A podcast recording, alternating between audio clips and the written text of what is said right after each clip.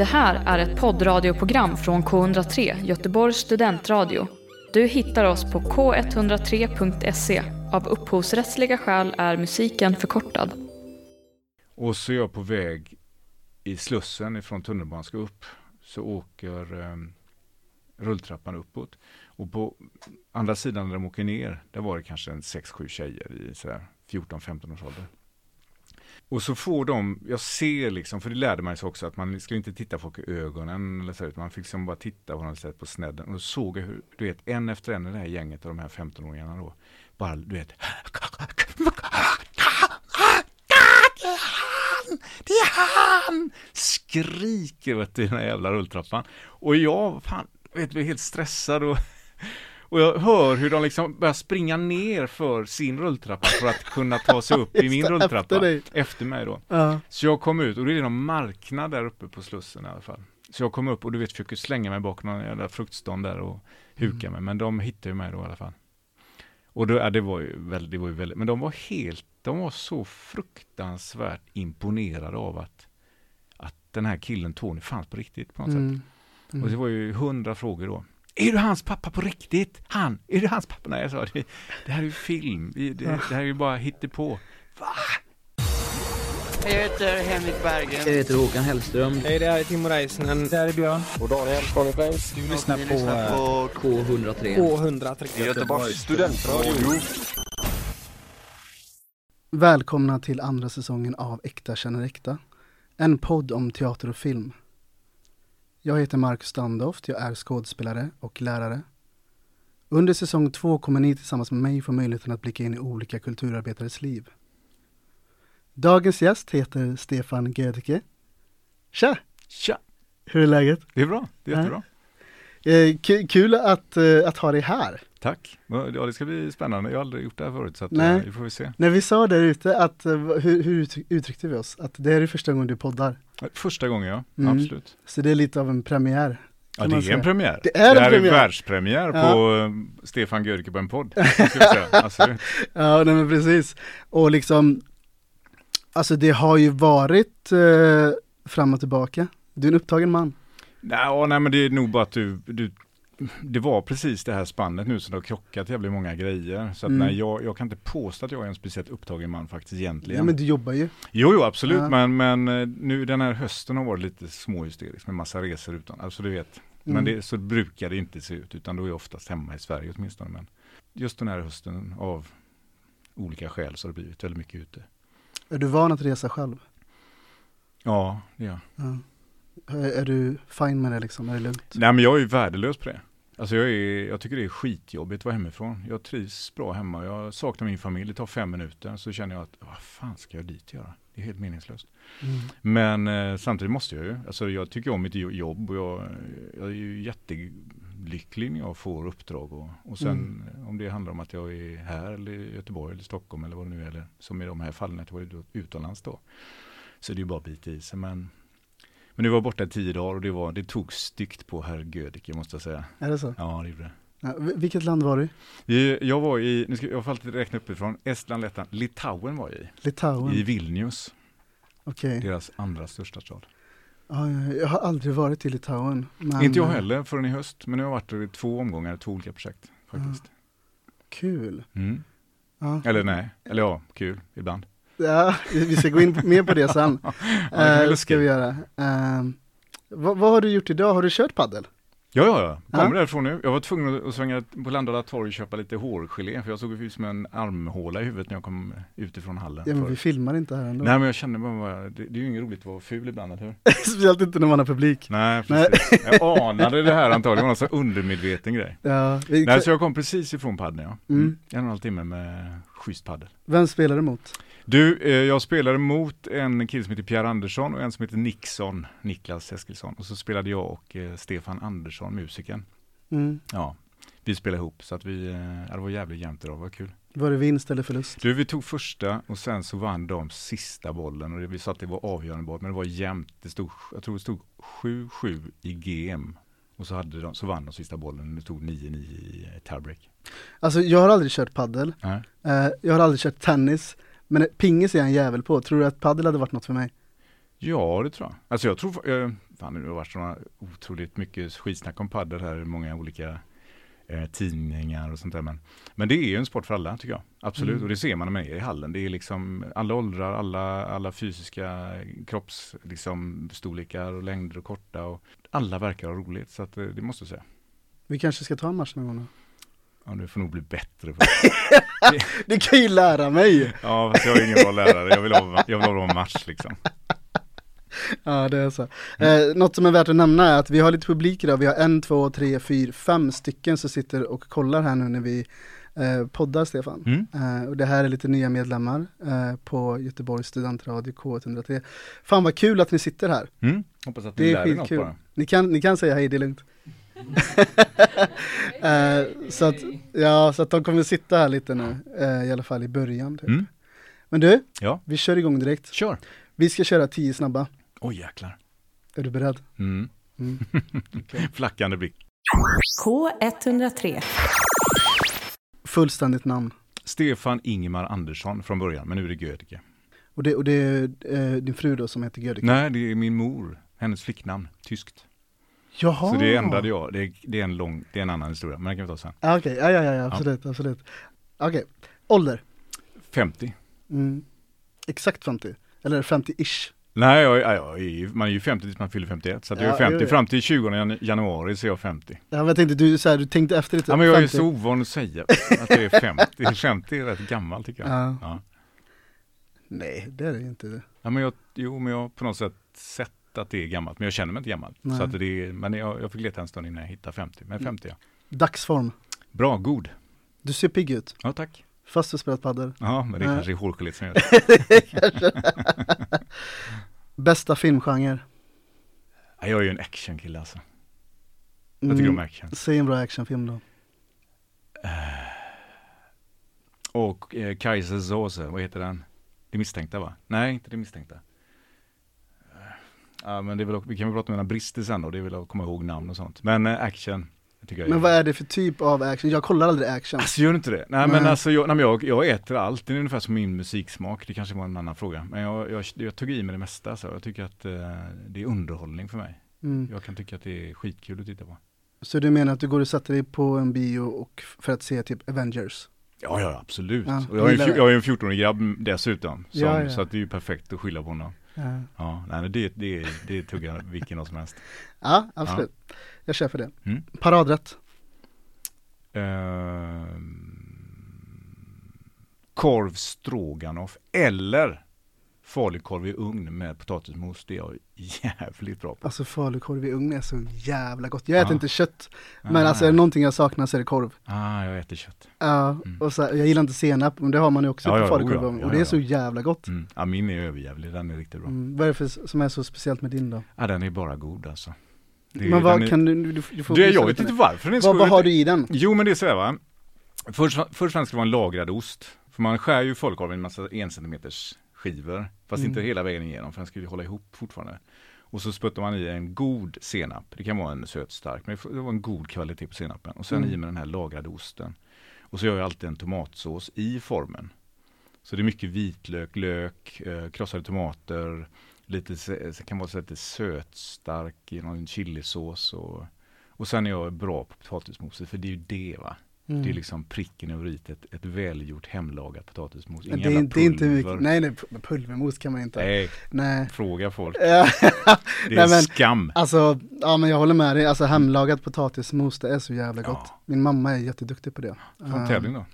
Du och hon? Ja. ja det, du får fråga henne. Ja, Mamma, Vem, vem ska betygsätta? Jag som ska... det får du göra. Ja. Och våra kära lyssnare. Det är lite svårt, vi har ju inte med oss dem hela tiden. Men det hade varit kul faktiskt. Eh, Okej, nästa. Bästa resemål.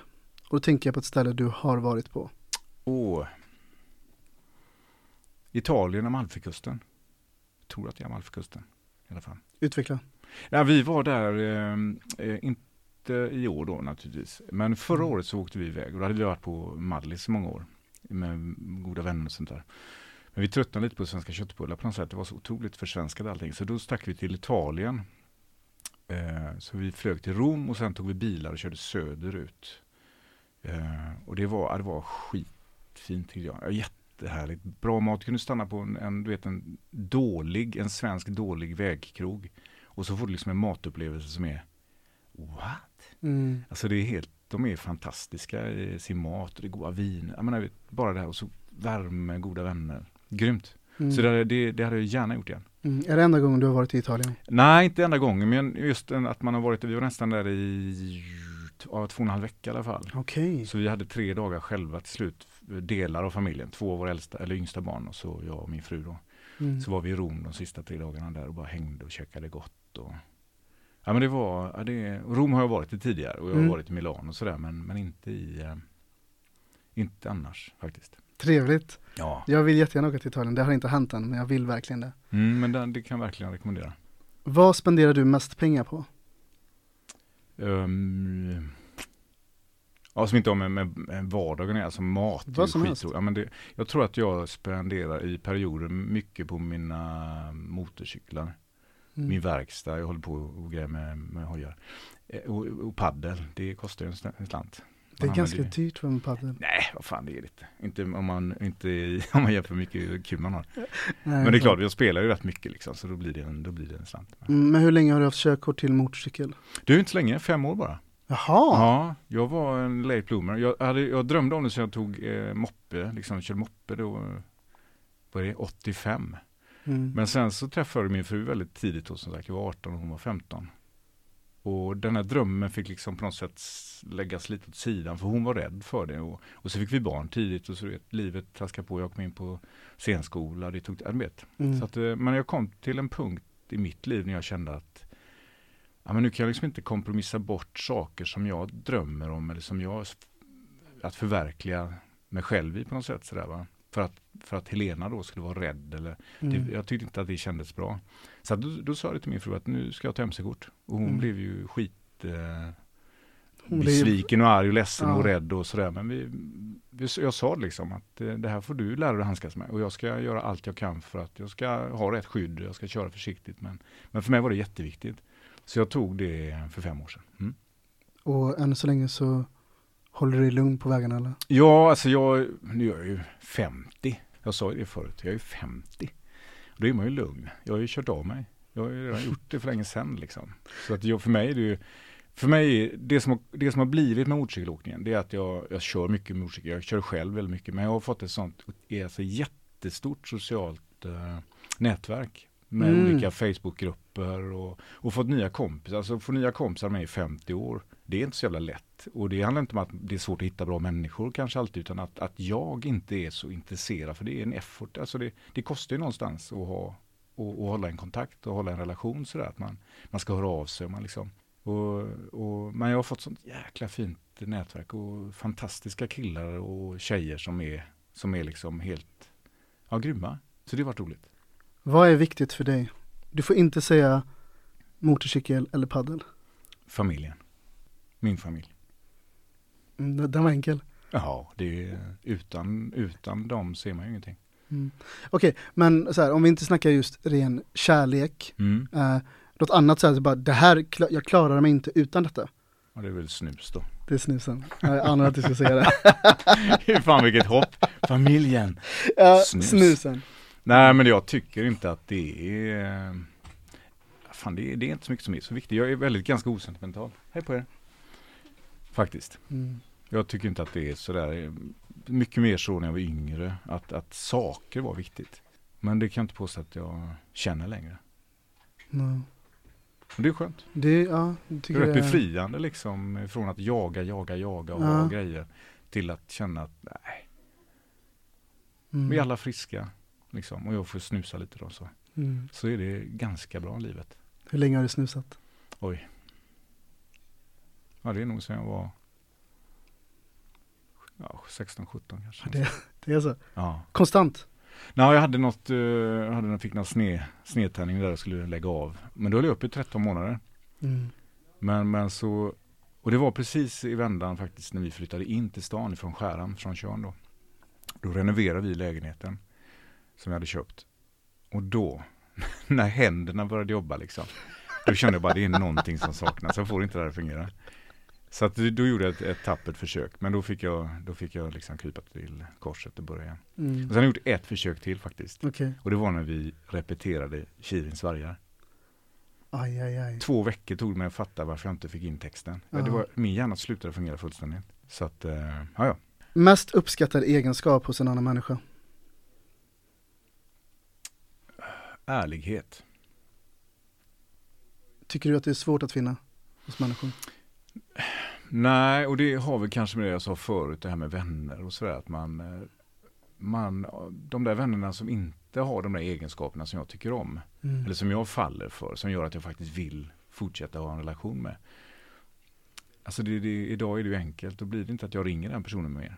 Eller jag avstår. Det, jag har liksom inget, det finns inget ändamål för mig som att ha, ha gott om folk runt mig om, om hälften av dem är skitstövlar liksom. Nej. Så att det tror jag, det, det där, de försvinner ändå på något sätt. Mm. Så det kan jag inte påstå utan eh, snarare tvärtom att man blir alltid glad för man ser att människor är ganska goda och ärliga. Mm, fattar. Mm. Sista nu då. Mm. Vad hade du velat säga till ditt tioåriga jag?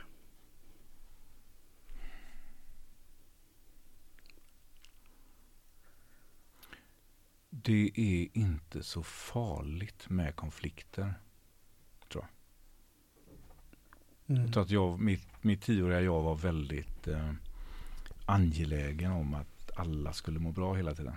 Att man skulle vara populär och, och det kan jag känna, det, det, det klangar fortfarande i min kropp men nu är man ju vuxen och medveten om det på ett annat sätt. Men, men det tror jag att jag tror att jag hade kanske fått ut lite mer av mig själv eller kanske växt lite tidigare som, som person liksom om jag, om jag hade fått fått det där modet att stå upp och säga nej ibland kanske. Eller att inte tänka att det var mitt ansvar att du ska må bra också. Sådär. Förstår du vad jag menar? Mm, jag fattar men alltså så här, nu, nu har vi inte hängt så länge. Mm. Eh, så här, men jag har inte fått intrycket av dig att du är konflikträdd. Nej men det är jag inte längre. Nej. Men mitt tioåriga jag var. Och jag tror att det Ja, höll okej. i sig ganska långt upp i åldern liksom. Mm. Och att, och, men det har nog att göra med den här eh, eh, Jag växte ju upp eh, med en frånskild mamma och en syster. Och jag tror att det där att saknaden av den här fadersgestalten, att man hela tiden skulle på något sätt bevisa och räcka till sådär på något sätt. Att ta på sig lite för mycket ansvar kanske. Men jag är inte, jag är inte konflikträdd. Men återigen, alltså jag, det, är ju, det är ju när det behövs. Det är Mm. inte för sakens skull eh, jag går in i en konflikt, utan det är när jag känner att det är angeläget och viktigt. Jag fattar det. Kan känna igen mig i det där. Faktiskt, nu ska det här programmet inte handla om mig men, men jag kan verkligen känna igen mig i det där att eh, ibland så skulle jag nog vilja att jag själv var lite mindre konflikträdd. Mm. Ehm, Lite tuffare liksom, att man Alltså kanske inte just tuffare men i alla fall rakare Mm. och tydligare. Eh, så jag har inga problem att säga ifrån men, men jag ger mig inte in, eller jag kan ofta så i efterhand komma på någonting, men vad fan, vad var det som hände där? Ja. Varför liksom? Men jag undrar ifall det är, jag förstår vad du menar, men Mm. jag undrar ifall det egentligen så ofta har att göra med konflikträddhet. Utan jag tror att det handlar också om, om det är så många, det är en kontext någonstans. Var, vad är situationen det sker i? Och, var, var befinner man sig själv liksom? Det kan vara så att man är i en skapande process och så, och så är det fem andra som befinner sig i en skapande process. Man är ganska självupptagen i den där punkten. Och så är det någon som kanske blir dåligt behandlad av en regissör eller någonting annat. Men man är inte riktigt där. Alltså man ser det inte då för att man själv har mycket att stå i och försöka liksom på något sätt Mm. orientera sig i. Så att eh, jag tror nog att både du och jag skulle, om vi liksom känner det då, när det, när det sker, så, så tror jag att vi säger ifrån. Så jag tror att det handlar om att man kanske, det är ju lätt att vara efterklok. Då har man ju ett perspektiv och då ser man ju ett samband, jaha det var så, men fan det var klart, Mm. då skulle jag egentligen sagt någonting. Men just då så var det ingenting du upplevde. Nej, precis. Ja, du har nog rätt i det där. Ja, det, det var tio snabba. Snabba var fan 23 minuter, eller 20 minuter. Du ja, vad snabb, vad snabb du är. Hur kändes det här? Nej, men det, det är ju rätt intressant att få frågor och så måste man på något sätt verbalisera det. Jag menar, Mm. det kan hända att jag, lite som det med konflikträddhet, att jag efter när vi har gjort detta, så bara fan det där skulle jag inte ha sagt, det där skulle jag ha sagt istället. Men Mm. jag tycker om nuet, jag är bra på att vara nuet. Mm. Så att eh, jag tycker det känns bra. Du, Mm. jag har gjort en sammanfattning Mm. om dig. Okej, Mm. kör. Eh, Stefan, Mm. du är skådespelare. Du är utbildad via Te- Teaterhögskolan i Göteborg och tog examen 1997. Det stämmer? Ja, jag, jag brukar säga det i alla fall. Det kan vara 98 också. Men jag tror det är 97. Nej, men 97 är det, stämmer. Okej. Mm. Gick du på någon folkhögskola innan du kom in på scenskolan? Nej. Du körde pang på direkt? Ja, ja men lite teater. Lite, men ingen folkhögskola eller något sånt där. Utan Mm. det var, det var en, eh, också en lång historia. Men jag började, jag började min första teaterupplevelse när jag själv stod på en scen. Det var när jag, så. Jag, jag har ju gått på gymnasium två gånger. Okej. En gång så gick jag ekonomi, då, som allting skulle vara. Och sen så jobbade jag ett år som plåtslagare och så träffade jag min fru 88. Och då skulle hon precis in i gymnasiet. Och jag var så otroligt förälskad i henne så jag sa att ja, men då måste jag för fan söka in igen. så jag sökte in till gymnasiet. Men det tog fem veckor innan studierektorn liksom, jag gick in varenda morgon gick jag och knackade på hans dörr. Mm. Eh, och sa att ja, det är så att jag, jag ska börja på den här skolan igen. Och han bara, du har gått där Stefan, du, du, kan, man kan inte gå två gånger. Jag bara, jo det, jag ska göra det. Och då blev det så att jag kom in till slut. Jag fick börja och då läste jag ellinjen. Blev elektriker. Ja. Och där hade jag gjort alla grunder, med engelska, svenska, allting var ju klart. Mm. Så jag behövde inte göra de ämnena. Så jag hade ju egentligen bara teoretisk, praktisk el, gymnastik, för det var ju roligt. Och sen hade jag ju all tid i världen att välja saker som Elena valde. Mm. Och då fanns det någonting som hette, eh, jag tror det var fritt val eller något sånt där. Och då valde hon drama. Och då tänkte jag, ja, jag får ringa Ingela Hansson då, den här läraren på dramalinjen. Så jag känner ett Stefan, jag, jag vill spela teater. Hon, va? Vad vill du? Ja, ja, men du går yrkesutbildning. Ja, jag skiter i det. Så då började jag med teater. Så det var 1988. Det är helt fantastiskt. Ja, det är Ja, galet. vi, ska gå, vi ska gå in mer på Ja, det ja. sen. Mm, Men jag ska fortsätta här nu. Mm, ah, ja. shit. Efter dina teaterstudier så har du varit aktiv på teaterscenen Mm. med ett gäng, ja, men på ett gäng olika teatrar som Uppsala stadsteater, Ja, eh, Riksteatern, Borås stadsteater, Unga Riksteatern. Unga Riksteatern, Mm. okej. Eh, Borås stadsteater och såklart Göteborgs stadsteater. Eh, på den sistnämnda, då har jag ju sett dig, jag sa det till dig innan, Mm. i Kirins vargar, Just det. i regi av Marcus Karlsson då. Ja. Eh, Fin, fin, fin, Ja. fin regissör och människa. Mm, verkligen, jag håller med dig till 110 procent. Eh, men du har även arbetat aktivt framför kameran i produktioner som till exempel Beck, Morden i Sandhamn, Lasermannen, Mm. Andra Avenyn. Mm. En man som heter Ove, Simon och Ekarna. Senast nu då som man kunnat se det i bland annat Alex och Dejta. Mm.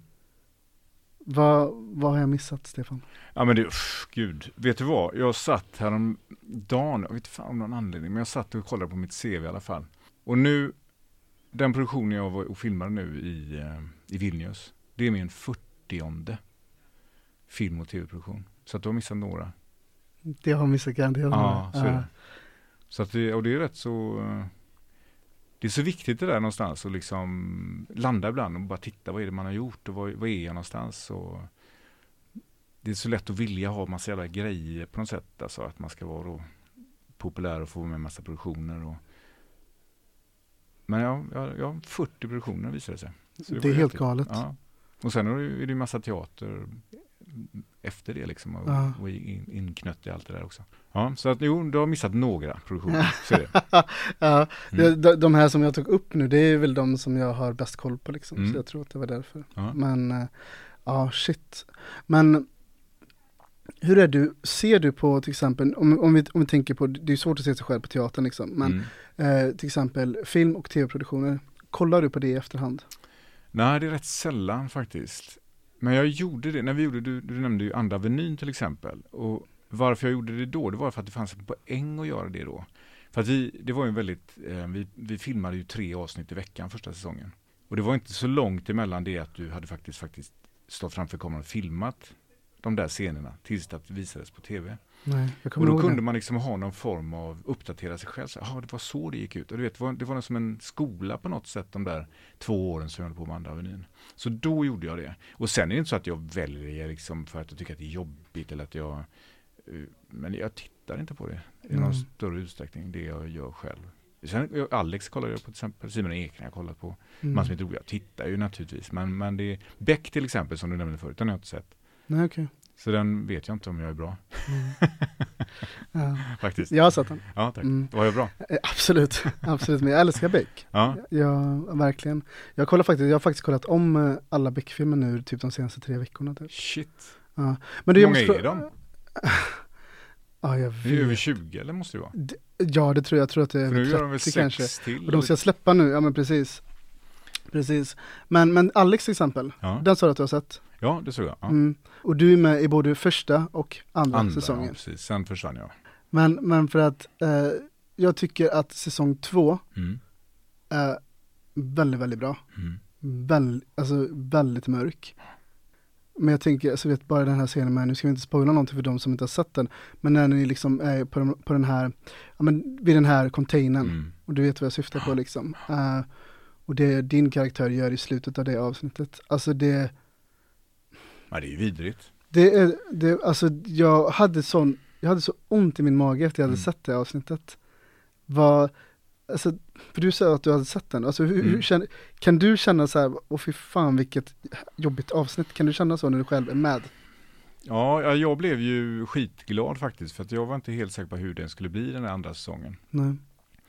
Men jag tyckte att ehm, alla skådespelare var så bra. Jag tyckte att det blev trovärdigt. Det är ju en jävla förhöjning. Nu är inte jag på något sätt, men jag, jag, jag tror det känns som att det är en förhöjning. För, menar, de, de, de sakerna som min karaktär gör i andra säsongen till exempel, jag tror inte att det är så vanligt. Om man säger Mm. så.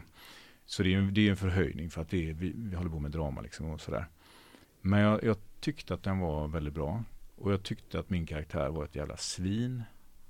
Och jag tyckte att det var trovärdigt. Så det, det var, jag blev glad över det. Det var, det var ruskigt trovärdigt, Ja. alltså verkligen. Ja, Det, jag har sett andra säsongen två gånger tror jag. oj, shit. Ja, så det, ja. Eh, vi ska släppa Alex nu. Mm. Eh, uppväxten, Ja. var är du uppvuxen någonstans? Jag är uppvuxen, mina första tre år i livet är här i Göteborgs förort i Hjällbo. Ja. Och sen så flyttade jag till eh, ett ställe som heter Ucklum. Som ligger en mil innanför Stenungsund. Så det är, det fem, fem mil norr om Göteborg. På landet. Så och där bodde jag med min mamma och min syster eh, ända fram till 88 då när jag träffade min fru. Och sen så, eller egentligen fram till eh, 90 kan man säga, ja, något sånt där. Då flyttade jag ut till Tjörn, till Skäran Mm. där min fru kommer ifrån och, och vi fick barn 90. Så att då blev det att då bildade vi familj och bodde där ute. Så det är väl, eh, så jag, jag, är, jag är inte så bra på att flytta. Jag har inte flyttat så många gånger i mitt liv. Va, jag älskar kön. Ja, Det är så, mina- kön eller kön. Körn. Hur säger man? Sa jag fel nu? Ja, jag, I don't know. säg, säg du igen. Kön. Ja, jag säger körn. Ja, Ja, det låter lite som kön. Ja, som ett, ja. Det jag ska säga var att mina kusiner har, vet du, sommarstuga på Tjörn. Jaha. Eh, och eh, så jag har spenderat mina somrar där. Var någonstans Ehm, på då? Det vet jag inte. Det vet jag, nu är det så länge sedan som jag var där Ja, också. ja. Alltså, jag vet, ja. När Ja, jag, det är ett fantastiskt ställe. Det är grymt. Vi, vi tillbringar mycket tid där på sommaren. Nu är det ju året som det är men, ja, men alla andra år så är vi alltid där ute. Helena har sin släkt där ute liksom så att eh, vi mm. hänger väldigt mycket där. men, men Stefan, hur, hur var du som tioåring? Eh, jag spelade fotboll.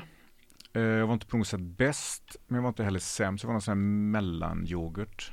Men jag spelade jättemycket fotboll. Eh, och då fick man cykla till träningen. Mamma jobbar i Göteborg. Så att eh, oftast var det jag och Patrik, en kompis, som cyklade tillsammans till träningarna. Och jag sålde GP tror jag. Kan jag ha gjort det? där? Nej, det var kanske för tidigt. Men jag var jag, jag, jag en snäll kille. Eh, finns säkert de som säger motsatsen nu, men, men eh, en snäll kille. Som saknade någon pappa. Tror Vad, du får säga till om du inte vill prata om det här, men varför var din pappa inte med i bilden? Ja, de skilde sig när jag var fy, 74 då. När jag var fyra år så skilde de sig och min far eh, försvann mer eller mindre Mm. ifrån vårat liksom liv. Han, han eh, jobbade och bodde nere i Dubai i, i några år och han bodde i Skellefteå och Västerås. Han var liksom aldrig liksom nära rent geografiskt sådär. Så det blev kanske någon vecka, någon vecka på vintern och någon vecka på sommaren som på sin höjd liksom. Och sen var han ingen vidare på att höra av sig under de här mellanperioderna liksom. Okej. Så det blev jag och min syster och min mamma och hennes, alltså min mormor och morfar. Och vi bodde grannar. Mm. Så det var vi som var, som höll ihop liksom. Ja, Mm. jag fattar. Och, men det här du sa att du fick barn tidigt. Mm. Du var 20 Jag var 20, ja. Mm. och din fru måste varit 18. Hon var Då, precis eller? fyllde 18. Ja. Så Helena fyllde år igår Aha, och vår dotter fyllde år den 5 november. Så att det är bara fem dagar emellan. Oj, Så han, hon hann precis fylla 18. jaha, du Mm. får hälsa grattis i efterskott då. Ja. Men, men okej, men så här, kan du sätta ord på någonting hur, hur det är att vara 20 år och få barn? Ja men först det, vi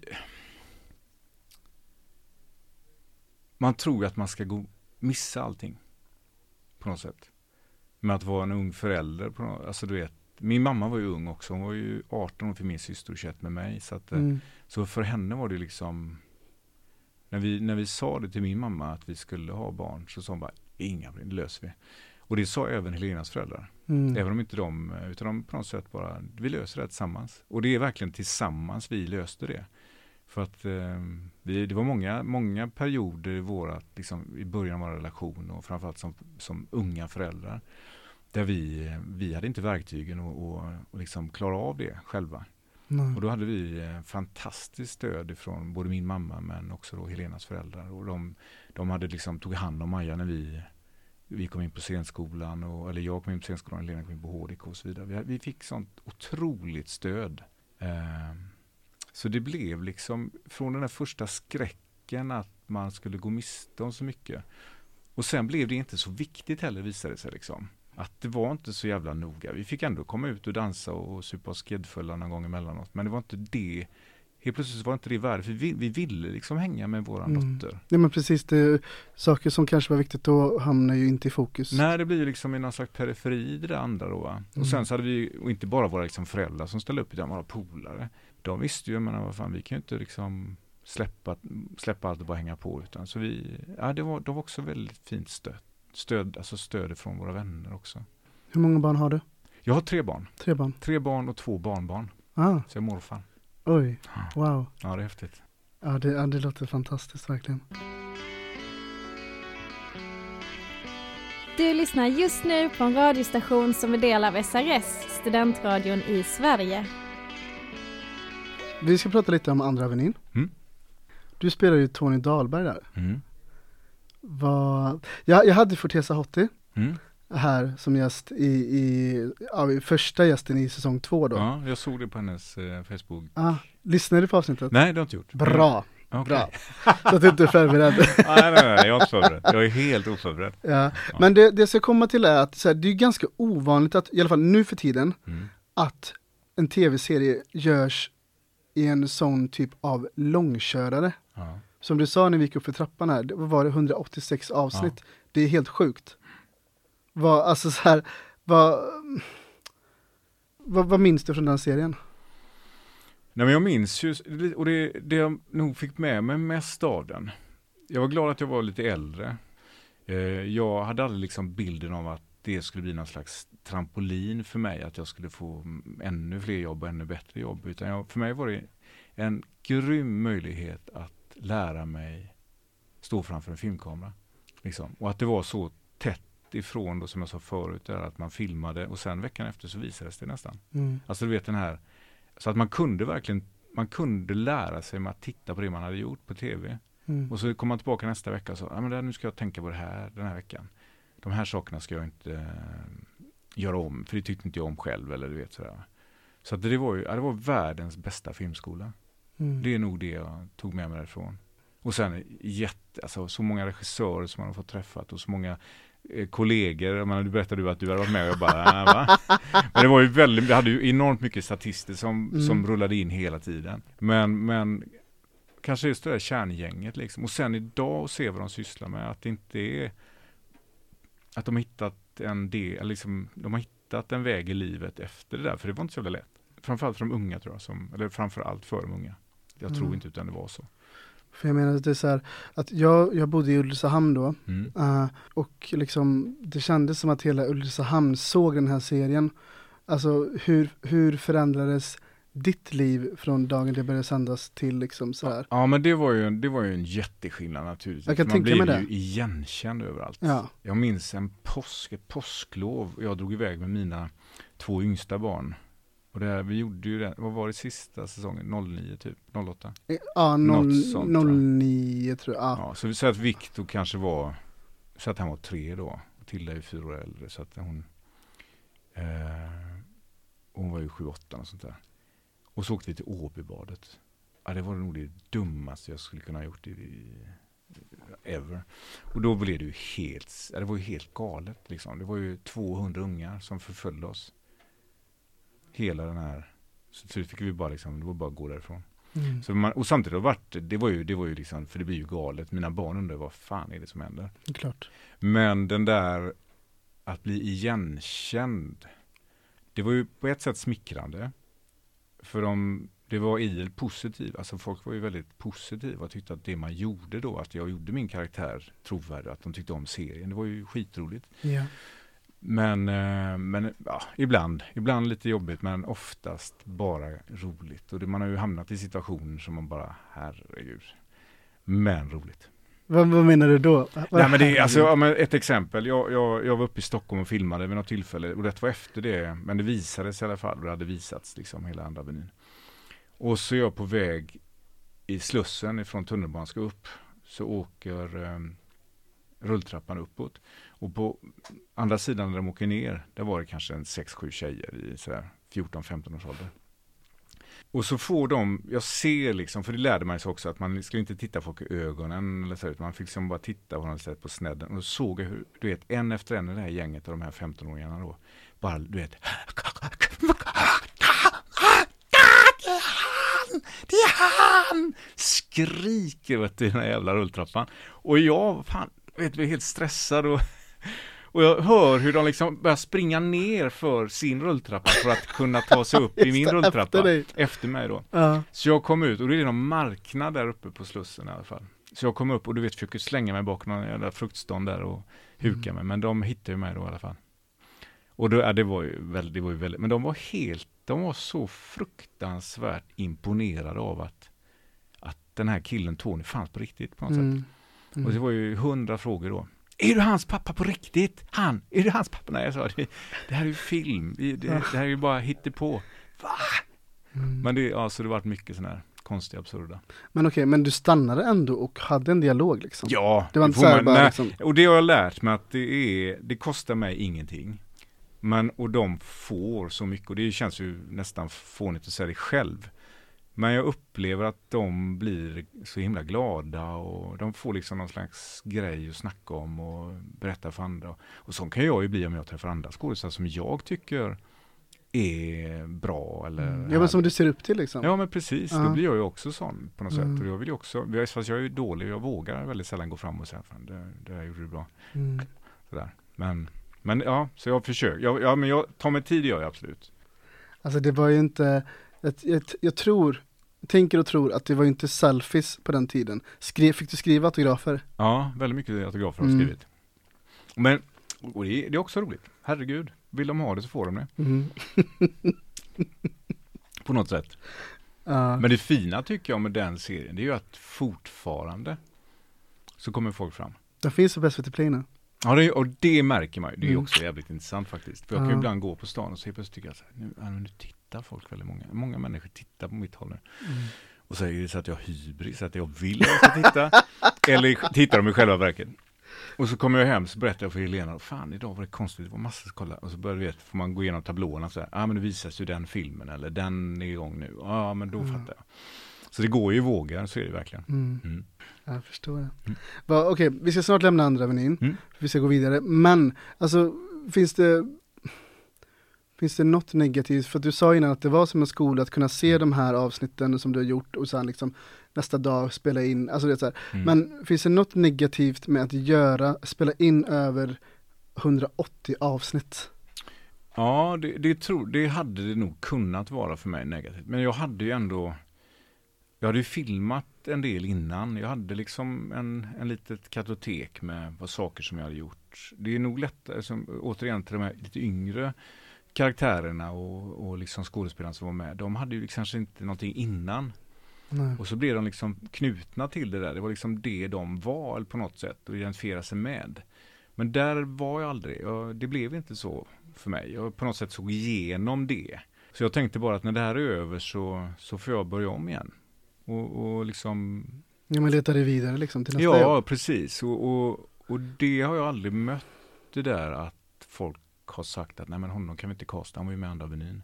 För idag görs det så mycket och det är ju mitt jobb att gestalta jättemånga olika karaktärer. Från, från mördare till eh, en tomte som är alkoholiserad eller vad fan som helst. Alltså, Mm. eh, men så jag, jag kan inte, jag har inte riktigt den känslan av att det skulle varit en negativ. Och jag hade aldrig den känslan själv när jag höll på liksom. Utan för mig var det verkligen, jag tyckte det var helt grymt. Jag jobbade Mm. liksom fem dagar i veckan med, med någonting jag tyckte var otroligt roligt. Och så tjänade jag pengar på det. Alltså du Mm. vet, vad mer kan man önska liksom? Nej, verkligen. Ja, vad glad jag blir när du, när du säger så. Ja, nej, men för mig verkligen. har det varit en eh, bara, och det fortsätter vara en positiv upplevelse. Ja. För, att folk faktiskt fortfarande hör av sig på Facebook eller så. Ja, men "Ah, såhär jag titt-" elva år senare liksom. Det är ju helt otroligt egentligen. Ja. Så att nej, jag, är- jag är väldigt stolt över den. Den här serien. Jag tyckte att den var, den hade sådana fina ambitioner och sen, sen träffar man inte alltid rätt. Jesus Christ. Men jag tycker att i det stora hela så tyckte jag att det var en jättefin ungdomsserie. Mm. Som, som försökte liksom gestalta på, på ett ärligt sätt och ett trovärdigt sätt. Hej hej, jag heter Mark Standoft. Du lyssnar på K103. Shirin svarar. Mm. När vi gick här i korridoren innan när jag gick och mötte dig så sa du att det var något utav det, sa du det finaste som du har gjort i Finaste teaterväg? och viktigaste jobbet som jag har gjort, tycker jag. Alltså, jag var och såg den här föreställningen Mm. och efteråt, som jag sa innan, så gick jag fram till Karina M. Eh, Johansson och liksom, för att vi jobbar ihop på, Ja, jag i Alexandras fråga det, ni, ni kände varandra liksom? Mm, vi jobbar ihop på Alexandras Odyssé. Mm. Men, och då gick jag fram till henne, men jag, alltså jag, jag tror att jag var lite, lite i chock vad jag faktiskt hade sett. För jag går fram till henne och så säger jag så här, eh, hej Karina, vad, vad, vad fint det var. Mm. Den föreställningen var allt annat än fin. Den, den, den var ju, jag men, förstår du vad Jag menar? men Den, var fruktansvärd. Ja, Alltså, på, på ett, alltså, alltså missförstå mig rätt, på, på, på ett bra sätt Mm, liksom. mm. Den var ju, den var så hemsk. Stark. Jättestark upplevelse. Ja. Och jag vet att när jag gick därifrån, jag var typ, jag kommer inte ihåg vem det var jag såg den med, men jag var så här, vi gick båda två i en, alltså ner längs Avenyn helt knäpptysta, vi visste inte vad vi skulle säga riktigt. Vad, vad kan du berätta om det här projektet? ja men det var ju Marcus då. Mm. Han hörde av sig till mig jättetidigt året innan. På våren där. Och då, var jag, då hade jag ett sånt där jätteupptaget år. Jag filmade massa olika, och höll på att flänga i alla fall. Och jag var inte riktigt helt säker på, men han var angelägen så han hörde av sig till mig. Så vi tog en fika ner på uteserveringen på Stadsteatern. Och där vi pratade liksom om, eh, han, han presenterade vilken för, vad föreställningen var och varför han ville ha med mig. Och, och han var jätte angelägen och det är ju otroligt smickrande som skådespelare. Och jag, hade alldeles, jag visste egentligen inte vem Marcus var. Men direkt när jag såg och träffade honom och pratade med honom så kände jag så här, men den här killen har jag förtroende för. Han, jag litar på honom liksom. Och sen så, så fick jag manuset och jag läste manus och tänkte så här, det här är ju radioteater, hur fan ska man gestalta det här? Jag kunde liksom inte på något sätt förstå hur man skulle kunna få det på ett golv och för en publik. För mig var det en radioteater. Så jag var inte alls säker på att säga ja till det projektet. Men Marcus hörde av sig igen och så har du läst många, ja, så, så berättade jag lite vad jag tyckte och sådär och jag tyckte att det var kanske lite svårt och jag hade svårt att se liksom. Och så började han ändå, och, och han hade ju ingen klar bild heller, men jag tror att han hade ett arbetssätt som han var trygg i, som han visste att om jag, om jag applicerar det arbetssättet på den här texten så kommer det att bli bra. Och jag litade på honom liksom. Men det tog ändå, jag, det var långt efter sommaren där och till slut så så kände jag, då hade jag flera projekt som låg och flöt som inte riktigt visste om de skulle bli eller inte bli av eller om jag skulle få roll eller inte få rollen och så vidare. Men till slut kom jag till en punkt där jag kände liksom så här, men jag kan, inte, jag kan inte hålla honom på halsen längre liksom. Det vore så jävla oschysst när han har varit så otroligt eng, alltså han varit så, han var tydlig och han visade så tydligt att jag vill att du är med. Mm. De egenskaperna jag ser hos dig som skådespelare när jag har sett dina filmer, det är den jag vill ha liksom. Så då, då tog jag beslut, så sa att okej, okay, jag är med, jag kör. Och det var tror jag i typ oktober kanske, sånt där. Så det var ändå ganska sent på. Mm. Ehm, så tack för att du hade vänt, väntade på Marcus. Och sen så, så fick jag ju då utgå ifrån det beslutet. Så andra jobb som kom in som, som krockade fick jag ju bara säga nej, tyvärr jag är upptagen. Så på den vägen var det. Och sen började vi repa då i januari. slutet på januari. Och så hade vi premiär på internationella kvinnodagen då, den 8 mars. Okej. Mm. Alltså jag minns en scen. Eh, jag tänker att vi kan prata om den för att det blir ingen riktig spoil. Jag vet inte, jag tror inte att ni kommer sätta upp den Nej, igen tyvärr. Eh, så, men jag minns en scen där du och jag tror hon heter Victoria. Mm. Ja men du förgriper dig på henne. Mm. Och den Alltså den, jag vet inte, jag vet Är inte det den du menar, jag sitter med ryggen mot publiken Ja. och hon gränslar mig? Exakt. Ja, just det. Jag vet inte riktigt vad jag ska säga nu men, eller vart jag vill komma men den, för den var så Den var så, så jävla stark och, det, och jag minns fortfarande dina ögon hur de svartnade liksom. Mm. Hur, hur, jobbar man fram det här? Ja, det får man nästan fråga Marcus. Men, men det var det som var så genialt med hans sätt att arbeta. För han jobbar ju som en filmregissör, fast på en teaterscen. Så han var ju otroligt små detaljer. Jag vet att den scenen faktiskt, hon sätts ju bredvid mig sen, så vi har ju ryggen båda två mot publiken. Och så lägger jag min hand på hennes rygg. Och så vid något tillfälle under repetitionen så börjar jag liksom göra så här, som att trösta henne. Och så, nej, nej, nej, nej, nej, nej. Den ska bara ligga helt still på hennes rygg. Det är här vi zoomar, Stefan, det är närbild. Så han pratade hela tiden utifrån ett filmiskt, tekniskt sätt. Och när man knäckte den koden som skådespelare, liksom att, ah, fan, nu är det en vidbild. Mm. Nu, nu åker vi, nu åker vi med karaktärerna. Nu är det helt ljudlöst, nu är det, nu är det en otroligt nära, intim närbild. Du vet, han jobbade på ett sånt sätt som det var, ja, jag frågar mig fan inte hur han fick till det, för att det var, men vi, vi, vi arbetade med manuset oerhört liksom kritiskt.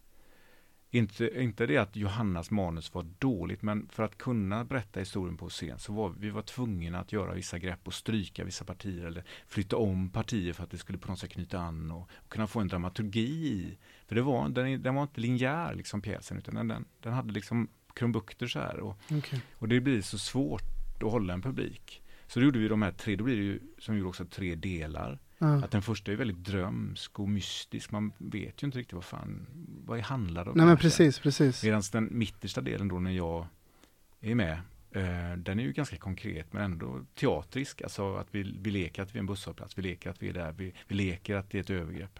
Mm. Men otroligt suggestivt med musiken, med ljuset och just att han, han flyttar publikens fokus. Nu är det det här som är viktigt, häng med här nu. Och sen Victorias sista scen som är, ja, du vet jag låg bakom, bakom scen, för jag kunde inte ta mig någonstans Nej. när vi var klara med våran, så jag fick ju ligga alltid och lyssna på hennes.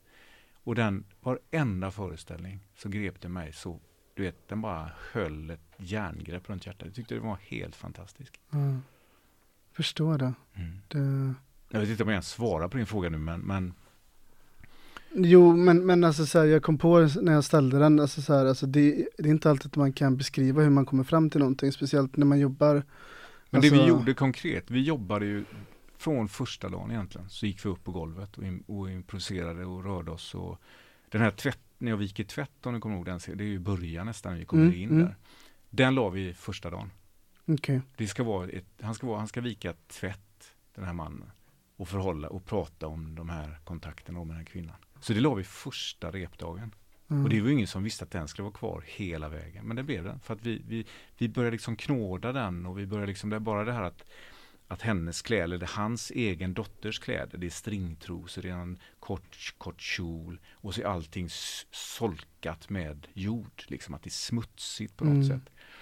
Du vet, han, han, ja, fan, han, han är fantastisk. Och, det, och, och Marcus, han, han, han, han ledde oss väldigt fint. Mm. Och vi fick rum att, att skapa själva i detta. Liksom. Så att det verkligen var en sån här gemensam effort. Det var ja, fantastiskt jobb. Filmades ehm, föreställningen? Ja, teatern filmar. Jag vet att Marcus pratar om att han ville gärna filma den som någon slags tv-teater sådär. Men det blev aldrig av. Tiden räckte inte till riktigt. Men, men eh, Stadsteatern dokumenterar ju sina föreställningar. Så att det finns ju en filmisk dokumentation, det gör det. Jag har inte, jag har inte sett den eller så. Vill du inte se den? Jo, jag hade nog kunnat tänka mig att se den, men det, den blir nog inte så... Jo, men jag skulle, jo, jag skulle vilja se den. Jo, Ja. det skulle jag vilja göra. Gör det. Det tycker jag verkligen. Jag hade gärna, alltså jag blev så, jag blev så förvånad att vi inte fick eh, spela den på biennalen. För mig var det helt, va? Skojar ni? För jag tyckte att den hade ett sånt otroligt värde att visa för människor, Ja, måste jag säga. ja verkligen. Mm. Verkligen. Ja, tack för att du delar med dig om det. K103 är världens bästa radio. Alltså, du, du har ju medverkat i, vad jag kommer på, två väldigt, väldigt stora produktioner här i Sverige. Mm. Eh, och då tänker jag på, ja men, Simon Ekarna Mm. med Bill Skarsgård. Uh, men såklart också en man som heter Ove, Mm. där du spelar, eh, ja men, pappa till Filip Berg, alltså han som spelar den unga Ove då. Mm. Eh, och, och en man som heter Ove blev ju Oscars nominerad. Mm. Vad betyder det för dig att, att en produktion som du medverkar i blir Oscars nominerad? Ja, man blir ju naturligtvis väldigt eh, glad. Det är ju Mm. häftigt att människor internationellt ser ett värde i, i det man har varit med i. Mm. Sen är det ju, alltså, in, jag förringar inte min prestation, eller, men, men det finns ju, det är ju inte jag som bär den filmen. Så att för egen del så är det ju egentligen bara, det är roligt att, att faktiskt det man var med i eh, liksom uppskattas och får priser. Det är ju skitkul naturligtvis. Men för mitt eget ego så betyder det inte speciellt mycket. Det kan jag inte påstå. Ja, jag fattar. Fick du göra audition för den?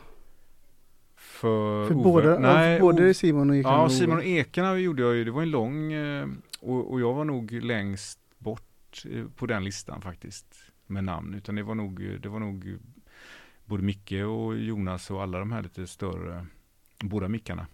Ja. Men, men de hittade liksom inte riktigt det där de var ute efter. Så att jag har, hade en, en rollsättare, Annika, eller Anette Manducci, som regisserade bland annat på Andra Avenyn. Okay. Så hon hörde av sig, för hon skulle då rollsätta den här. Så, så sa hon bara att Stefan, det är så här att jag håller på och, och söker karaktär här på en, en film som ska göras. Hon var ganska så här diffus i sin förklaring. Och, och nu har jag provat massor med namn och vi har inte riktigt hittat det. Och jag har lagt ditt namn för producenterna. Och de, de är inte speciellt imponerade, men, men du har fått en chans att komma upp och provfilma. Och så förklarar de till slut att, att det var för den här Simon och Ekarna. Och, och till saken hör, vilket är ganska roligt i slutändan, att min svärmor Monica, hon nämnde när hon hade läst den boken, sa Stefan, den här, om den här någonsin görs till film, så måste du spela Simons pappa. Och det här är liksom många år innan. Så det är ju då att spela pappan då till Erik då, till Mm. eh, Simon. Så jag åker upp till Stockholm i alla fall och har inga förväntningar. Men jag är väl förberedd. Och kommer upp och det är Lia Boysen som eh, jag jobbar mot. Så jag håller på nästan en hel dag och improviserar och, eh, och jag tror även att Ja, jag vet fan. Ja, skitsamma. Eh, men det var Lia Boysen i alla fall. Så vi jobbade där och, och jag tror kanske att Bill var med vid tillfälle också. Men, och detta var innan jul, så det var liksom mitten på december. Och så hörde jag ingenting på några dagar. Och så ringer de igen och säger att vi vill att du kommer upp igen här nu och gör en, en provfilmning till. Och då kom jag upp och då var det mot Helen då, Sjöholm. Och så var Bill där också. Och så var ju Nilsson där också. Eh, alltså hon som spelar då min systers, ja vad blir det? I filmen. Vars son, det är ju, som Bill är ju hennes son egentligen. Eh, så vi eh, kör, improviserar och jobbar liksom några timmar och sen så ja, tackar vi allihopa och så åker vi hem. Och sen tog det väl någon dag bara så ringer hon och säger att har du lust att vara med? Oh, wow. Ja. Och det var innan jul så det var, jag tror 19 december och sådär. Och jag bara, vad menar du? ja, de vill ha dig. Det är dig de vill ha. De har hittat Erik nu. Så det var helt, helt otroligt. Jätte, otroligt fint. Det är en väldigt fin film. Ja, det är den. Den är jättefin. Sen är det, vi, den är ju inte, det är ju inte hela filmen tyvärr. Det om man läser boken så är det liksom, det är ett parti när han är utomlands, när han är vuxen och han är arkeolog och får, får eh, malaria och blir dödssjuk och kommer hem till Sverige. Så det, det, det är det som sa, och jag tycker för Jaha. egen del, min karaktärs försoning med, med Simon, den är ju borta egentligen. För det är på ett sjukhus och han har tagit hit den här stora skivspelaren Erik. Så han spelar de här musiken som han var så förbannad på i filmen. Eh, och till slut så vakar, vaknar Simon i alla fall på sjukhuset och så, så säger Erik när de håller varandra i handen att jag trodde du skulle dö. Ja men det gjorde jag inte pappa. Nej. Kan jag stänga av musiken nu tror du? Säger Erik. Och så tittar de på varandra och så möter de varandra och säger att okej, vi älskar varandra ändå. Eh, men den, den, den kom liksom inte med för att vi, det, det där andra hanns inte med och pengarna tog slut eller vad det var. Men, men film, jag tycker om filmen, men just slutet för mig som, som Ja, bar okej. Eriks roll. Ja, och allt vad det innebar så, så kändes det som att mitt, jag fick liksom inte knyta ihop säcken på något sätt. I den där. Men det var ett underbart projekt och jag hoppas verkligen att jag får göra om det igen. Men det var roligt för Bill var ju med då. Och nu när jag var i, i Vilnius så filmade jag med honom igen. Så sa det här är tio år sedan Bill. Vad är det det? Så det var tio år sedan vi sågs. Och... Det var faktiskt min, min nästa fråga. Att, för jag vet att det är tio år sedan ni, ni Mm. spelade in Simon och Mm. Ekarna och, och, och att du har varit och filmat med Bill. Eh, Du får, du får ju säga sen för att vi ska klippa bort det eller inte, Mm. men är det Clark? Det är klart ja. Mm. ja. det är det. Får, får du säga det liksom, att du är med i den?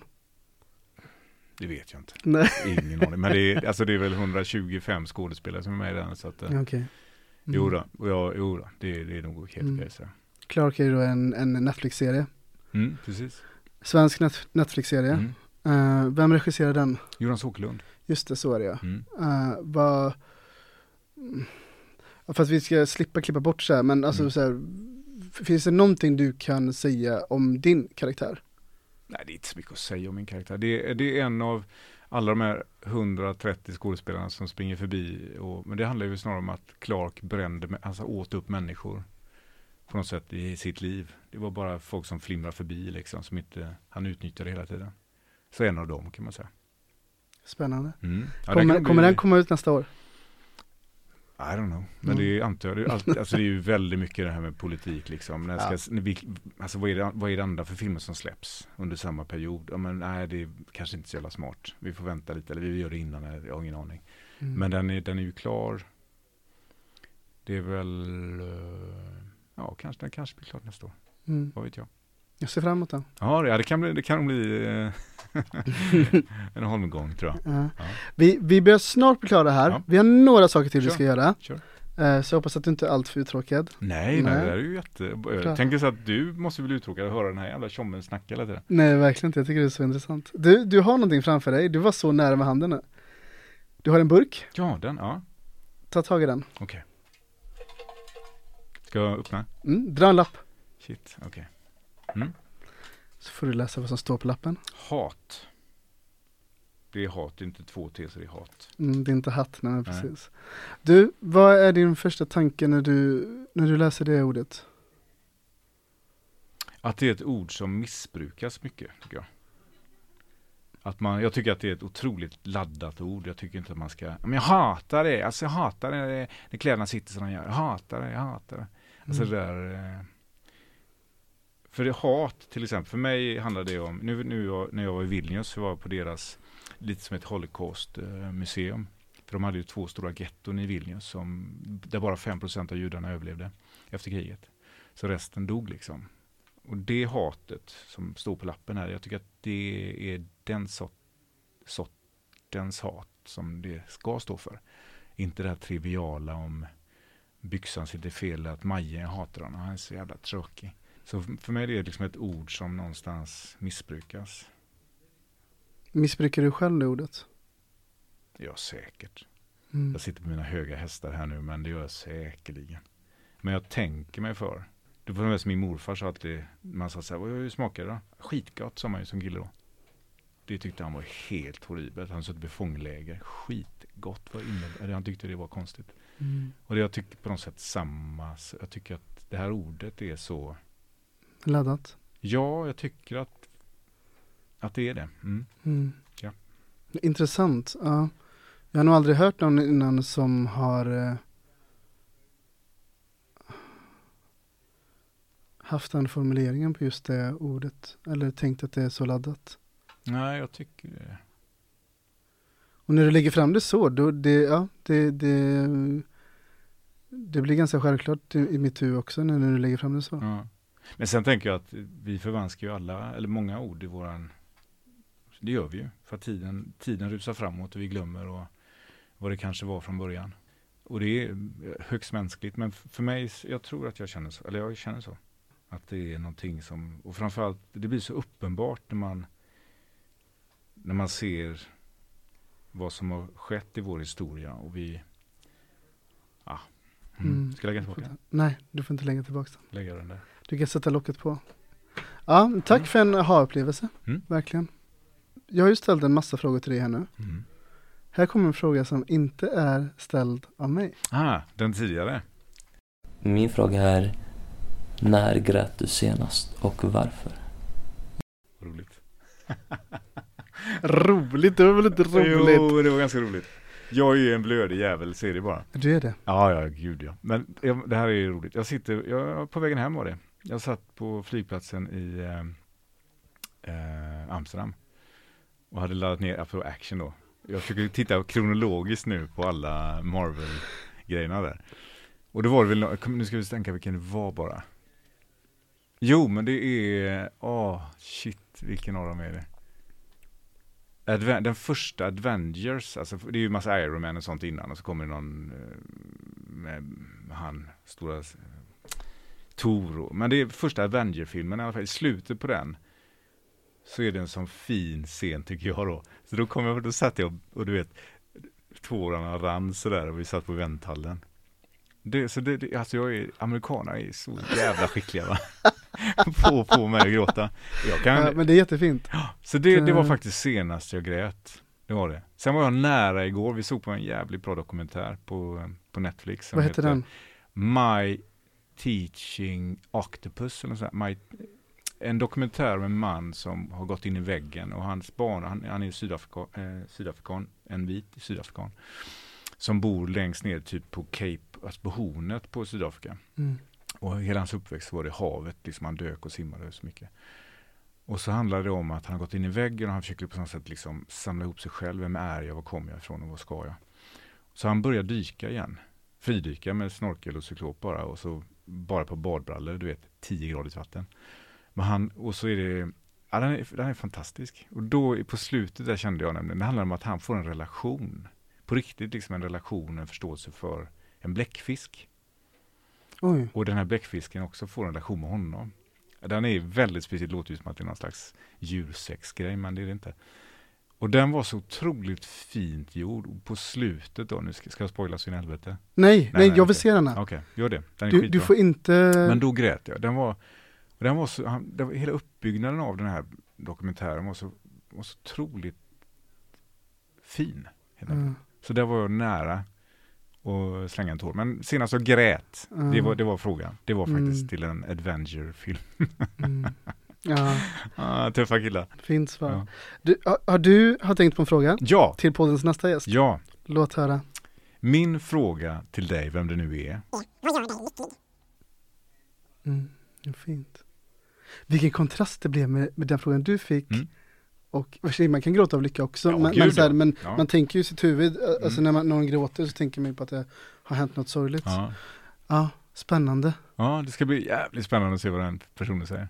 Och det, det bästa av allt är att du vet inte vem det är. Nej, ingen aning. Och vill du veta vem det var som ställde, som gav dig frågan? Ja, vem var det? Alexander Abdallah heter han. Vet inte vad det är. Nej. Alexander Abdallah, han, han har varit med i nu andra säsongen av Älska mig i regi av Josefin Bornebusch. Okej. Uh, vet inte, har du sett den? Nej, men jag provfilmade för huvudrollen. Jaha! Men jag fick den inte som du såg. Jaha, Ja. okej. Så det blev en islänning där istället. Ja, ja, ja, ja. Ja. Men, eh, ja, tack för din fråga. Eh, innan vi avslutar här nu, finns Mm. det någonting du vill tipsa mina lyssnare om? Vad som helst. Högt och lågt. Nej, men det kanske är det då. Förverkliga, våga förverkliga era drömmar. Folk kan kalla det femtårskris eller vad fan som helst. Skit i det. Känner ni för det och det inte skadar någon annan, så gör det. Håll inte på och skjut saker framför liksom för länge. Man Mm. vet ju aldrig vad som händer. Mm. Så jag tycker så här, våga förverkliga det ni vill liksom. Sen Mm. får det se töntigt ut eller betyda ingenting för någon annan, men jag förverkligar det själva. Jag försöker göra det jättemycket. Och det kan Mm. vara från att liksom köpa en svarv, metallsvarv som jag gjorde för två veckor sedan. För att jag har alltid velat lära mig att svarva i metall. Är det sant? Ja. Ja. Ja men du vet, fan gör så. Och det behöver inte, menar, det behöver inte kosta pengar heller egentligen. Det, bara, det kan Nej. vara andra saker. Så förverkliga er själva tycker jag. Mm. Det är inte fult, det är bara tvärtom. Jag tycker man blir en bättre människa när man får, får göra saker man tycker om. Jag håller med. Verkligen. Med de orden så säger jag så här. Att du har lyssnat på ett avsnitt av Äkta känner äkta med mig, Mark Standoft och Stefan Gödicke. Fy fan vad fint att ha haft dig här. Ja, vad roligt. Skitkul. Det var ju jätteroligt. Vad- Vad duktig du är. Vad bra du är. Tack, Mm. tack. Men alltså jag är så glad att du har tagit dig tiden och att vi fick till det här. Ja, men det var ju det var bara lite krångligt. Det, Eller hur? Det är ju inte, det är ju inte svårare än så. nej men det, jag är verkligen, alltså botten av mitt hjärta supertacksam för att du tog dig tid och att du sitter här och pratar med mig en regnig söndagkväll. My pleasure. Vi hörs när vi hörs och vi hörs helt enkelt i nästa avsnitt. Ha det så bra, hej då! Hej då. Åh, shit! Kul! Ja. Vad duktig. Ja, men du är väldigt duktig. Det, det handlar ju väldigt också om att kunna liksom Du har hört en poddradioversion av ett program från K103. Alla våra program hittar du på k103.se. Följ oss gärna på Facebook eller på Instagram. Vi hörs!